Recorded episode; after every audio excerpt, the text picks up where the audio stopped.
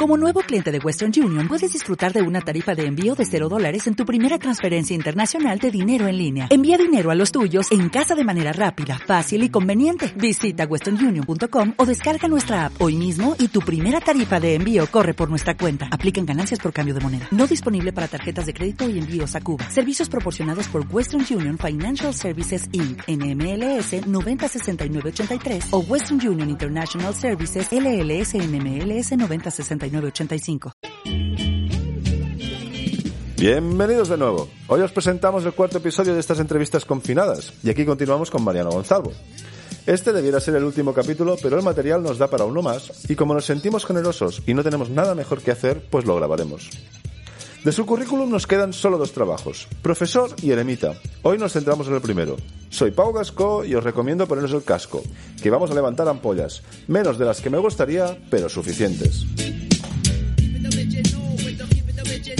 Os quiero hacer una pregunta. ¿Qué os parece que haya tanta gente que habla de cocina, gastronomía, restaurantes y la Virgen Santa, pero no tengan los santos ovarios de hablar de cajas B, condiciones laborales, salud mental, etcétera, cuando es de dominio público? Pues a mí me revienta, y como este podcast lo hago yo, y se acerca el primero de mayo, hablaremos de ello.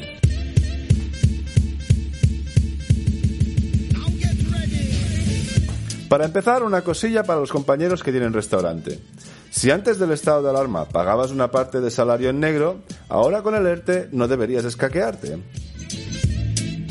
Pero sigamos, toca situarnos. Habíamos dejado a Mariano de chef en el Dorado Petit de Barcelona. ¿Qué pasó? Pues que tuvo que cerrar.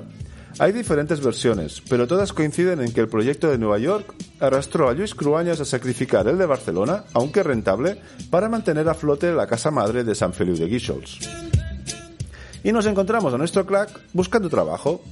Si seguimos su progresión anterior, sería lógico imaginar que se va a buscar un berenjenal que lo lleve a encontrar sus propios límites. Veamos. To all the teachers that told me I never amount to nothing. To all the Bueno, se finiquita el dorado que estuviste a punto de ser profesor del San Ignacio. El primer chef que estuvo en, en San Ignacio había sido chef mío y bueno, como nos conocíamos y tal, y él estaba allí y me dijo, hostia, es que no se está mal, se vive bien, se aprende y tal. Pues pensé, bueno, mira tú, vamos a ver, ¿no? Pero no pude entrar porque yo no tenía estudios. Con May me dice, ¿por qué no te vienes y pruebas? Le dije, no, no, porque no sé, yo no tengo estudios. Y me dice, pero ¿qué más da? A mí no me importa. Yo quiero que vengas porque creo que te gustará y porque creo que tú vales porque eres muy buen cocinero. Palabras así, casi textuales, ¿eh? porque el tiempo a mí me hace reír. Y, coño, en aquel momento pensé, joder, si una, una mujer como May, pues yo conocí a Arnadí a través de alumnos, ¿no? De Frances Llado, de otra gente que había tenido conmigo y, y eran muy buenos. Pensé, joder, si esta mujer me dice que, que lo pruebe, pues ¿por qué no, no? Y fue tanto que me encantó, joder. Bueno, cuando yo, el primer día que entré a la, a la cocina de, de Arnadi, pues entonces se llamaba Arnadi, eh, yo dije, joder, es que no podía ser. O sea, era como un sueño. Una cocina, una Molteni, casi nueva, porque tenía tres años. Súper cuidada, porque aquello se cuidaba como, como un tesoro, ¿no? Aquella cocina con unas instalaciones que para mí en aquel momento eran tremendas. Todo limpio, ordenado, y piensas, ¡guau! Y luego además con un balcón con vistas a Santa María del Mar. Dije, aquí sí o sí te quedas, vamos, haces lo que haga falta. Os preguntaréis qué coño pinta aquí el San Ignacio. Pero eso es personal porque es donde yo estudié y ejercí brevemente de docente. Y enterarme que Mariano estuvo casi a punto de ser mi profesor allí me chocó y me hubiese ahorrado mucho dinero. Pero también me sirve para hablar de la formación profesional. Os cuento. En la formación reglada no puedes ser profesor de cocina si no tienes un ciclo formativo de grado superior. No importa si eres un cocinero extraordinario, con cultura, curiosidad y un carácter perfecto para enseñar. Si no tienes un título, nada. Y eso en un oficio manual tiene poco sentido. Lo tendría si la formación que se pidiese fuera en pedagogía, pero no es así. Suerte que May Hoffman tenía las cosas bastante más claras. Sí, sí, mucho, mucha infraestructura, pero tú como profesor eres, vamos, o sea, se te nota que, que disfrutas un mazo. Eso sí, ¿sabes qué pasa? Que mm, me gustan las dos cosas. Me gusta compartir, ¿vale? y me gusta la cocina. Y las dos cosas las hago con pasión. Yo mm, probablemente no, no, no, no, sepa, no sepa, no sepa mucho, ¿no? O sea, no, no es que sea un mega crack. No, no, no, no. Pero le pongo tanta pasión a lo que hago y me vuelco tanto que yo creo que eso suple las deficiencias que tengo, ¿no? Pero con pasión, con pasión y dedicación y compromiso, ¿no? O sea, yo, yo con los alumnos, con todos los alumnos, ¿no? Pero en Hoffman, por ejemplo, que vivía con ellos casi, mi grado de compromiso era como si fueran, bueno, como si fueran casi mis hijos, ¿no? Yo hacía de profesor, hacía de tutor, bueno, de todo, de todo. ¿Por qué? Porque, bueno, era, me entregaba, me entregaba a ellos. Y ellos también te decir que se entregaban a mí de la misma manera. Era una época también súper, súper conmovedora porque, bueno, guardar recuerdos muy buenos de gente muy buena, muy buena. Dado mi breve paso por la docencia, os puedo asegurar, como sucedió cuando hablaba de cocina, que lo que va a soltar Mariano en los próximos minutos se lo deberían tatuar no solo las personas que se dediquen a enseñar cocina, sino todos los profesores de formación superior. ¿Qué significado para ti la docencia? Bueno, mira, eh, yo creo que hay tres, tres momentos fundamentales en mi vida. Una cuando dejé la ebanistería y me puse en la cocina, que me, me acaba ya definiendo, sin saberlo, mi vida. Otra cuando entré en Nostromo y conocí la cocina moderna y lo que, lo que podría significar para mí. Y la otra cuando entré a trabajar con mi hijo en la escuela ¿Por qué esas tres etapas son diferentes? Porque mira, para mí entrar a Hoffman significó, al cabo del tiempo, después de muchos años y de análisis, significó un cambio rotundo. Primero, mm, significó mm, acceder a una cantidad de conocimiento que ni era capaz de, suponer. ¿Por qué? Pues porque tenía un montón de alumnos que constantemente, estaban, constantemente tenían dudas y, mi deber y mi obligación y mi responsabilidad como profesor era respondérselas. Y recuerdo las, las primeras dudas siempre las contestaba con, con mi saber de la experiencia, ¿no? Lo, lo que te da el, el saber de cocinar cada día. Pero me di cuenta de que eso no bastaba, ¿no? Porque había muchas lagunas. Bueno, y empecé a, a, buscar en libros de cocina sobre tecnología de los alimentos y demás. Y ahí descubrí, bueno, que lo lejos que estábamos los cocineros de saber qué puñetas a veces estábamos haciendo, ¿no?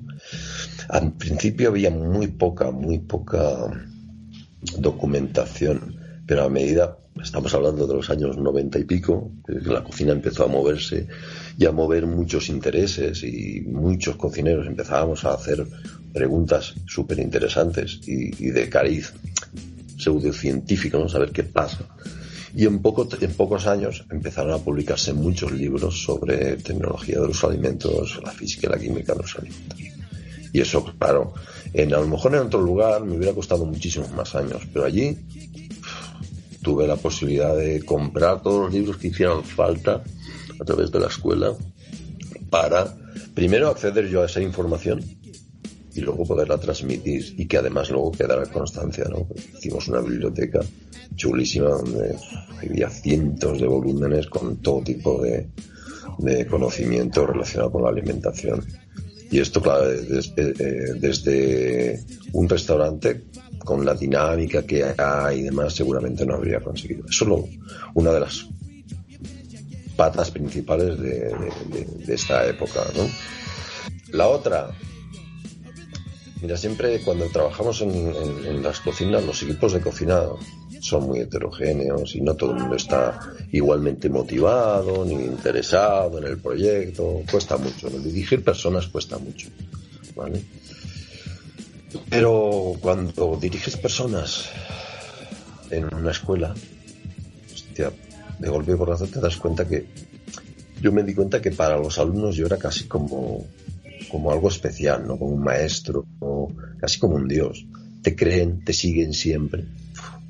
Eso te da una oportunidad que no puedes despreciar ni desperdiciar para conseguir los objetivos que quieres, ¿no? Que es que ellos aprendan y que aprendan no solo cocina, sino los valores de cómo debe ser un cocinero, ¿no? Y eso también te da una autoestima, ¿no? Da un valor añadido a tu trabajo que te motiva mucho. O sea, es que es como un motor que te hace, lo que hablábamos hace un rato, ¿eh? puedes echar las horas que haga falta que no, no, no te cansas. Cuando te consideran una figura tan importante, aparte de ser motivador, también es una responsabilidad muy grande. Hombre, claro, no, no, claro, es motivador, pero responsabilidad. Es que, es que, a ver, yo creo que si no eres, si no entiendes la responsabilidad que tienes cuando te pones a formar personas en cualquier actividad de la vida, eh, nunca llegarás a ser buen profesor. Es que yo creo que, yo creo que incluso te devora ¿no? yo creo que si quieres trascender eh, en, en educación, tienes, lo primero, ser responsable con lo que ello implica, ¿no?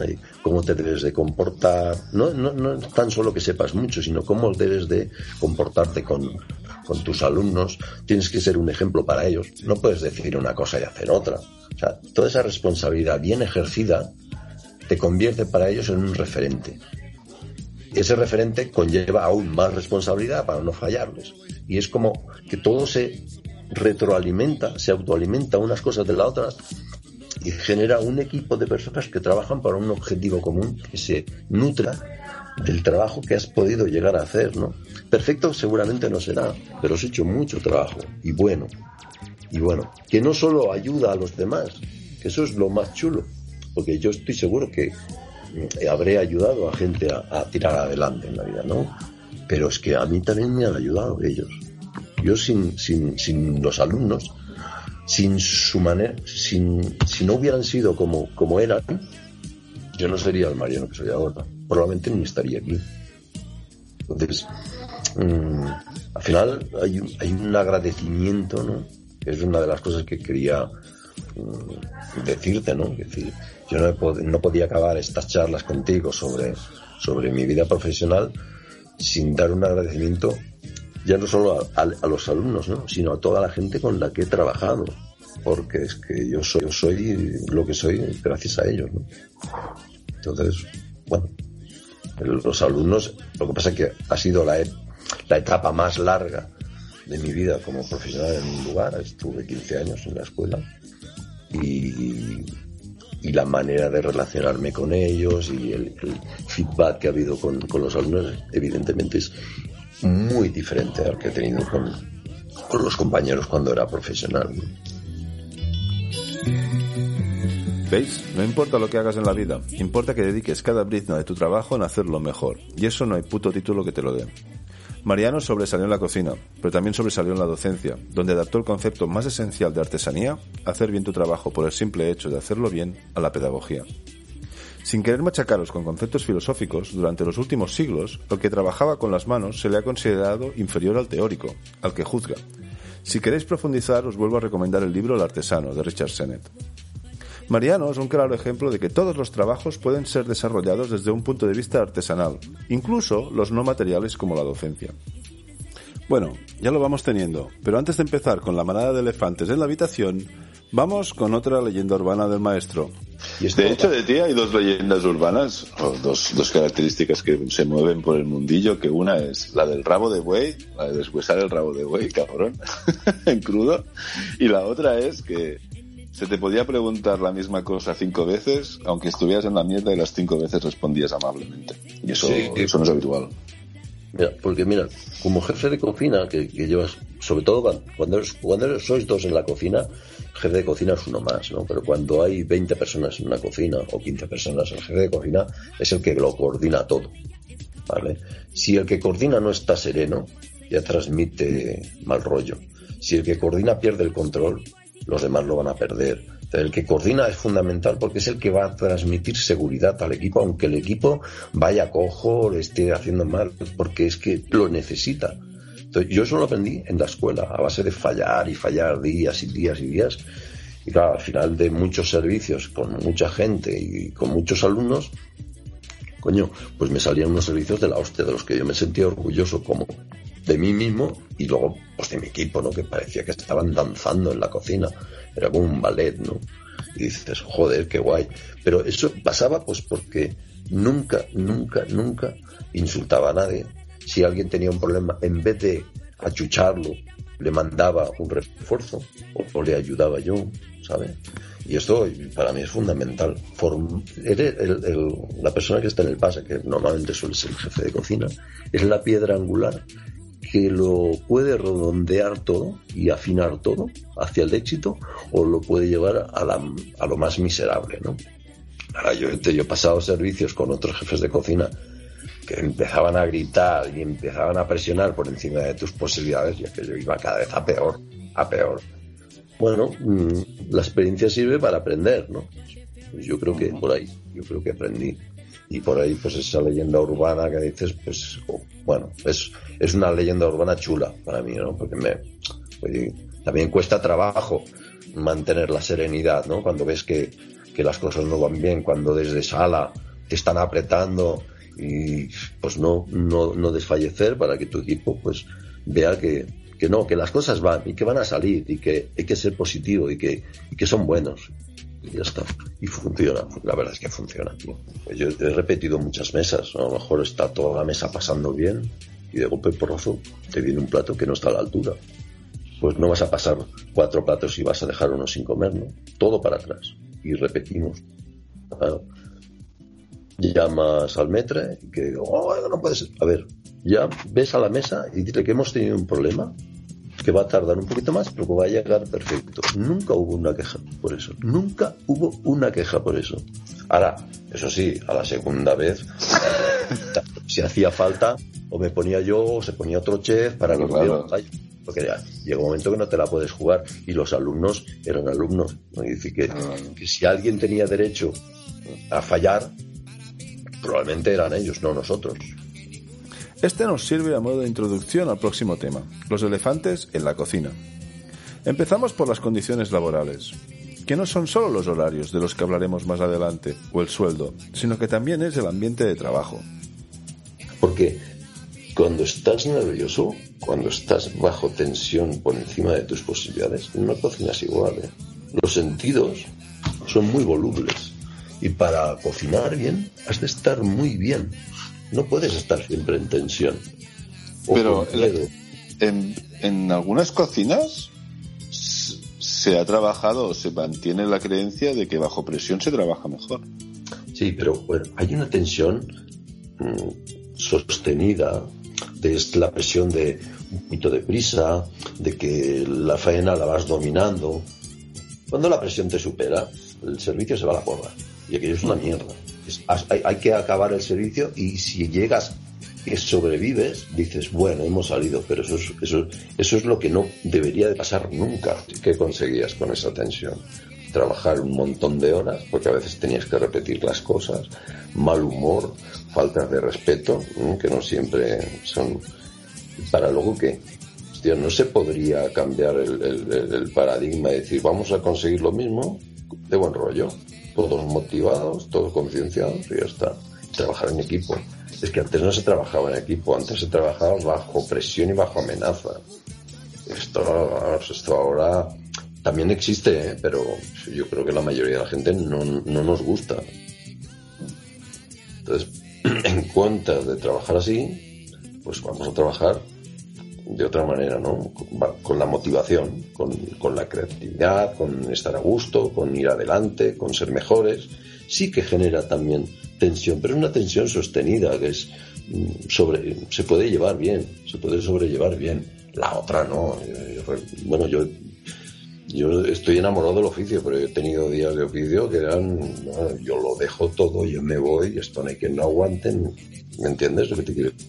Mm, sí, sí, sí, todos. Porque era inhumano, porque te sentías mm, no ya ni un animal, te sentías que no eras persona, ¿no? Que te faltaba el respeto, que no valías para nada y habías trabajado como un desgraciado todo el, todo el día o, varios días para no conseguir los objetivos. ¿Y eso, entonces, ¿eso de quién es culpa? ¿Es tuya o es culpa del sistema que está mal diseñado? Yo creo que esos son los sistemas que están mal diseñados.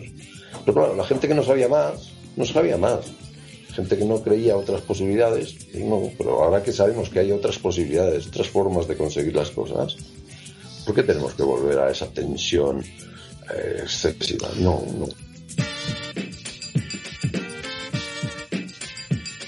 Estamos a punto de cantar bingo. Hemos llegado al tema, al jefe de la manada, a la jornada laboral. Como este tema a mí me enciende y el entrevistado no soy yo, os dejo sin intro. Solo diré lo que decía un compañero. ¿Por qué me toca cumplir condena si todavía no he matado a nadie? Has hablado de condiciones, de las horas, de lo que eran las condiciones laborales. ¿Qué ha hecho que seamos tan tolerantes con, con las jornadas laborales maratonianas que tenemos en cocina? ¿Qué, qué, qué parte de culpa tenemos los cocineros? ¿Pero qué ha pasado? ¿Dónde nos bajamos del autobús de los derechos laborales en la cocina, en la restauración? Mm, Bueno, no sé. Yo creo que eso es un tema, una herencia, no sé si llamarla cultural, ¿eh? una herencia mala que tenemos. Piensa que mm, siempre el, hecho de, de servir, ¿no? Ya te digo, tanto si eres cocinero como si eres camarero, mm, siempre había sido mal visto. El servicio nunca ha estado bien, ni bien retribuido ni bien, ni bien observado por la sociedad, un sirviente, ¿no? Y eso se ha, se ha llevado durante siglos y, bueno, yo cuando entré en el siglo XX en la cocina todavía existía, ¿no? Eh, Esa sensación. Eh, las jornadas laborales s- tan largas yo creo que se alimentan de dos referentes o se alimentaban de dos referentes muy diferentes. Uno era el miedo, o sea, aquí el jefe es un dictador y si te dice aquí hay que estar 12 horas, 12 horas, si no tienes fiesta, no tienes fiesta, si no tienes larga, no tienes larga, eso de una banda, que es la parte más fea del oficio que- y que todavía perdura. Y luego la otra es la pasión. ¿vale? Que cuando una cosa te apasiona y, te, y te marcas objetivos de conseguir cosas, pues a veces esos objetivos no se pueden conseguir en una jornada laboral. ¿Sabes? Exige un sobreesfuerzo. Y por ahí caemos muchos.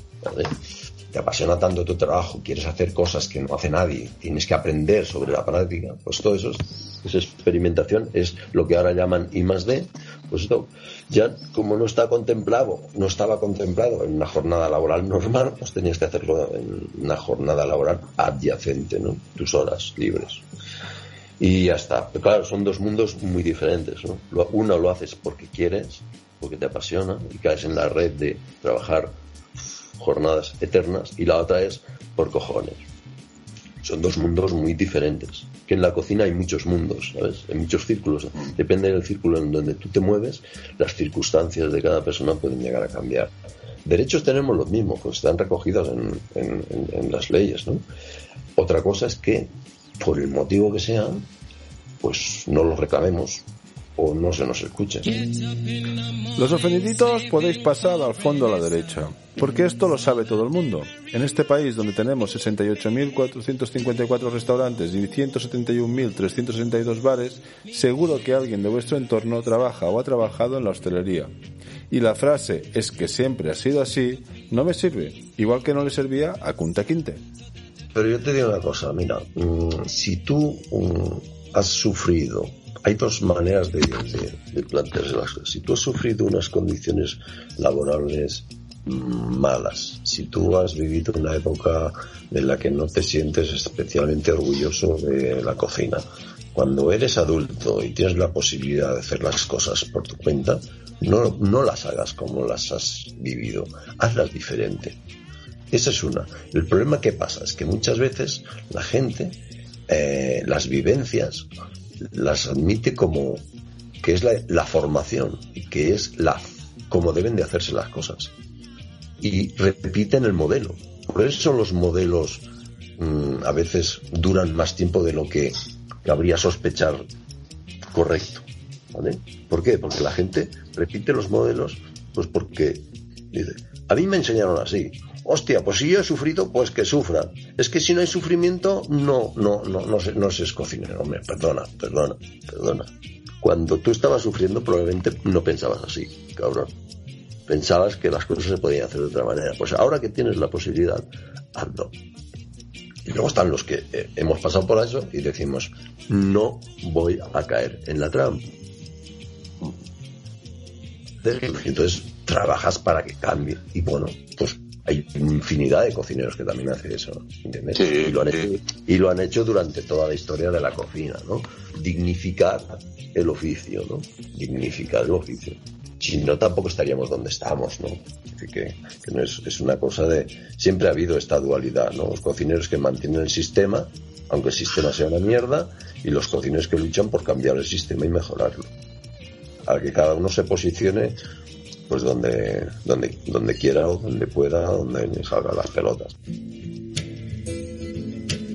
Vamos con el siguiente elefante, la salud mental, donde como si fuera un iceberg, la parte visible son las drogas. Y al igual que pasa con las condiciones laborales, cada individuo tiene su responsabilidad. No sirve con echar toda la culpa a las circunstancias. Pero si decir que no a una cerveza o una raya después del servicio te hace quedar mal delante de la brigada, eso no ayuda. Bueno, sí, cuando no tienes una vida excesivamente agradable, que es muy dura y que tiene mucha tensión, no digo que no se te pase por la cabeza algún día para superarla, probar cosas, ¿no? Para- pero esto es, si no tienes la cabeza muy bien amueblada, joder, te puede pasar en cualquier otro oficio, ¿eh? no, no es exclusivo de, la cocina. Que sí es cierto que la cocina es tan, tan, tan, te exige tanto, que si las condiciones además son muy malas, que estás rodeado de, gente que te, machaca física y moralmente, ¿no? Y, tantas horas de trabajo, llega un momento que el cansancio físico y mental es tanto que bueno yo, yo he visto yo he visto muchos muchos compañeros caer en las redes y he tenido más de un maestro y compañeros de cuando era joven que estaban devorados por, por, las drogas. Quizá por eso yo quizá por eso porque vi ese lado oscuro negro fosco no de, de, de lo que podía llegar a ser una vida mal llevada. Luego cuando cuando me hice esa pregunta, ¿no? ¿Vale la pena? Automáticamente me venían a la imagen las caras de esta gente. Decía, "Ay, tanto que vale la pena sufrir. No te dejes llevar por, por la blandura y aguanta como sea y sin nada, ¿no? Porque, porque no, yo veía a aquella gente que yo admiraba como profesionales a lo mejor, pero que como persona las veía decrépitas en la angustia y, y decía, hostia, yo no quiero ser de mayor así. Si esta de ser mi vida, apaga y vámonos. Entonces, cuando en un momento te entra una flojera y tienes estos referentes, ah, yo, yo salí, ¿no? Yo, no tuve, yo nunca he tomado, pero en algún momento de mi vida, para aguantar tanta presión, tantas horas de trabajo, tanta fatiga, he pensado, ¿y si me tomara algo? Y automáticamente la imagen de esta gente me, me la sacó de la cabeza. Yo he tenido suerte, por eso. Otros No, no. hoy han caído. Muy bien. Si aún estáis escuchando esto, tenéis más mérito que José Andrés en una catástrofe. Vamos a por el último paquidermo, la facturación en B. Uy, ¿qué es lo que dices, Pau? Estás loco si eso no existe. Ya, ya, ya, ya, ya, ya. ya. Bueno, mira, el, el- salvando la distancia, porque hay empresas que son buenas y, y guardan todos los estos preceptos, eh, hay mucho pirata. En la, hostelería hay mucho pirata.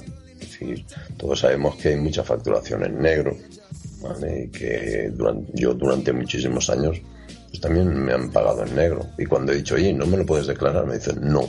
¿Sabes? Y dices, ¿cuánta gente hay que cobra y, no declara todo lo que cobra?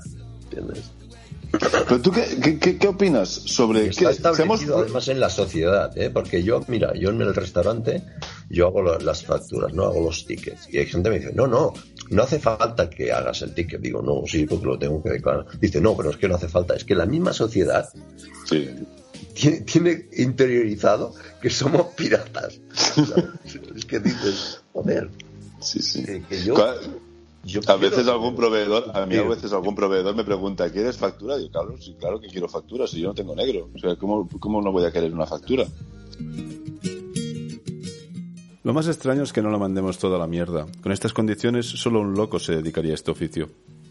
Terminaremos, pero no sin antes salpicar un poquito al que tanto queremos, nuestro cliente, o mejor dicho, a su cartera. ¿Cómo se puede hacer para, para mejorar esto? ¿Dobles brigadas, solo un servicio? Bueno, mira, de entrada, si te fijas cuando sales eh, fuera de España, en países que se llaman occidentales o desarrollados, em, la restauración es mucho más cara. Eh, tener calidad de vida cuesta dinero. Si queremos tener más calidad de vida como cocineros y trabajar menos horas para ganar mismo, tenemos que vender más caro, como hacen el resto de países. Si queremos hacerlo todo en, blanco, si no, si no tenemos economía sumergida y lo declaramos todo, eso vale dinero y eso lo tiene que pagar el cliente. Tú vas a cualquier país y comer en cualquier restaurante eh, del mismo nivel te cuesta siempre mucho más caro. ¿Por qué? Supuestamente creemos que es porque los trabajadores tienen mejores retribuciones o tienen mejores horarios y todo está declarado mientras no se hagan las cosas así, mientras queramos estar en, precios de saldo para llenar, llenar, llenar, pues, pues bueno, eh, no, habrá otra, habrá otra. Yo, para evitar el dinero negro, que es la, una lacra para todos, ¿vale? Yo eliminaba el dinero, todas las transacciones electrónicas y ahí no habría. algunos países ya lo hacen. No habría posibilidad de error, ¿sabes? Tú ganas tanto, tanto. Y, que cada uno luego ajuste los precios de venta, los precios de compra y lo que tenga que hacer. Pero yo creo que eso, e, evitando el dinero negro, tú ya, ¿entiendes? Ya estarías a otro nivel. Ya estaríamos a otro nivel. Lo de los horarios, bueno, yo si soy un creativo y veo que con mi jornada laboral no llego y quiero echar un par de horas más por mi cuenta, porque quiero hacerlos, eso nadie me lo va y nadie me los paga, pero que sea porque yo quiero. Eh, eh, eh, ¿Entiendes la diferencia? Yo puedo dedicar una parte de mi tiempo libre, si no puedo en mi jornada laboral I más D porque me interesa, porque estoy aprendiendo, porque me estoy formando, porque quiero desarrollar lo que quiera, vale, pero que sea porque, por cojones, porque es así, porque está establecido en esta norma no escrita, eso no debería de ser. ¡Tachán! Bueno, nos despedimos con una rumbita buena que alegra el corazón. Hoy ha sido un día duro. A nadie le gusta remover la mierda. Pero recordad que el estiércol es un abono excelente. Y de eso hablaremos en el quinto y último programa. De los productos y los productores. Además de, de ese pequeño templo en la Val d'Asua, donde vive refugiado entre vacas, corderos y truchas, nuestro protagonista. Sed felices.